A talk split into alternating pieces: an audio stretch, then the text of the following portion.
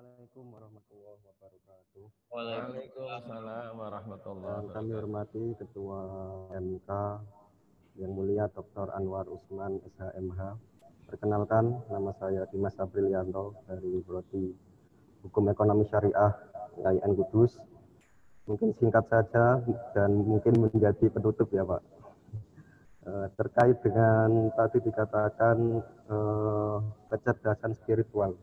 Mungkin eh, saya melihat bahwa yang mulia Dr. Anwar Usman adalah salah satu hakim yang religius. Eh, Apakah penting atau pentingnya kecerdasan spiritual disandingkan dengan kecerdasan intelektual bagi seorang hakim dalam memutuskan sebuah perkara? Terima kasih.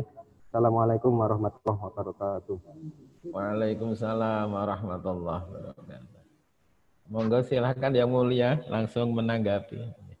Ini pertanyaannya luar biasa. Tiga penanya ini sangat berbobot semua ini. Ini ternyata mahasiswa IAIN Kudus ini luar biasa. Tentu saja ini yang luar biasa pembimbingnya, dosen. amin, amin. Alhamdulillah.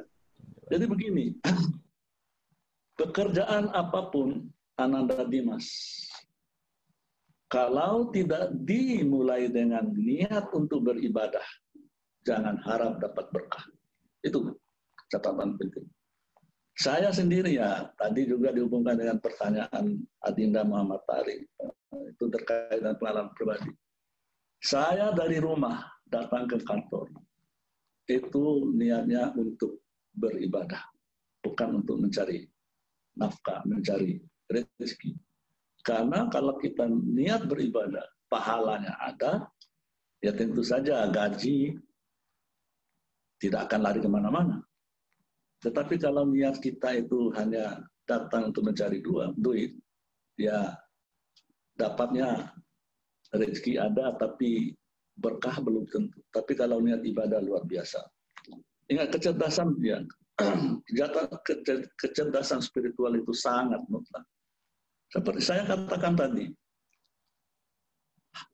keadilan hanya bisa lahir dari hati yang bersih, jiwa bersih.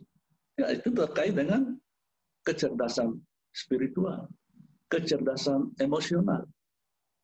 Seseorang bisa saja kecerdasan intelektualnya tinggi, hebat, IQ-nya tinggi, tapi kecerdasan spiritual, emosional tidak di eh, apa namanya tidak dibina, maka akan sulit.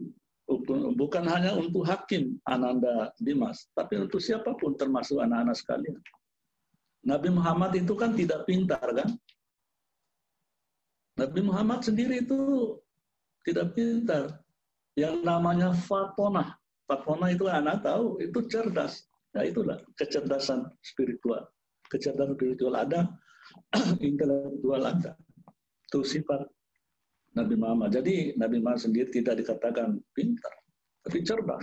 Cerdas itu ya itu tadi Ananda uh, Dimas bagus pertanyaan.